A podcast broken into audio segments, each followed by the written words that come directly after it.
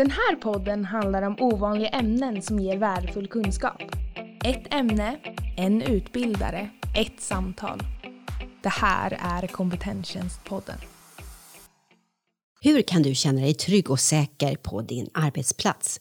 För på alla arbetsplatser finns det risk för situationer som kan bli hotfulla och rent utav farliga. Att mentalt förbereda dig, tänka dig in i en situation, en hotfull situation och där du hittar realistiska lösningar på hur du kan ta dig ur. Och varför behöver du göra det? Jo, för det är att hjärnan minns de här tankarna du har och om det skulle uppstå en olycka så kommer du att hitta lösningarna fortare när det verkligen händer. Det man också har sett med de som har gjort den här mentala förberedelsen är att de mår mycket bättre efteråt, behöver inte vara sjukskrivna lika länge och har lättare att komma vidare. Ett annat sätt är hur du kommunicerar, att kunna läsa av människor, att inte bemöta så som du vill bli bemött utan bemöta som du tror att personen i fråga vill bli bemött. Det handlar om att bekräfta. Exempel, är en person väldigt arg, bekräfta att jag ser att du är arg och jag ska försöka hjälpa dig.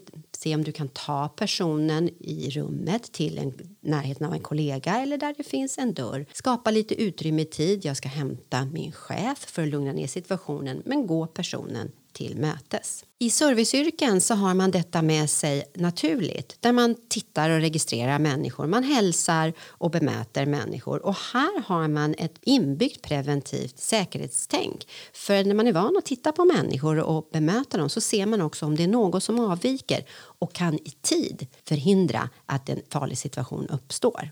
Ett tips på vad man inte ska göra det är att kommunicera du är. Du är arg nu, du är för full.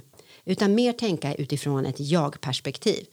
Jag upplever att du kanske är något överförfriskad nu. Jag upplever att du är frustrerad. Jag upplever, jag ser. Utgivare av denna podd är Kompetenstjänst. Ett utbildningsföretag som erbjuder utbildningar och föreläsningar för fortbildning inom offentlig sektor.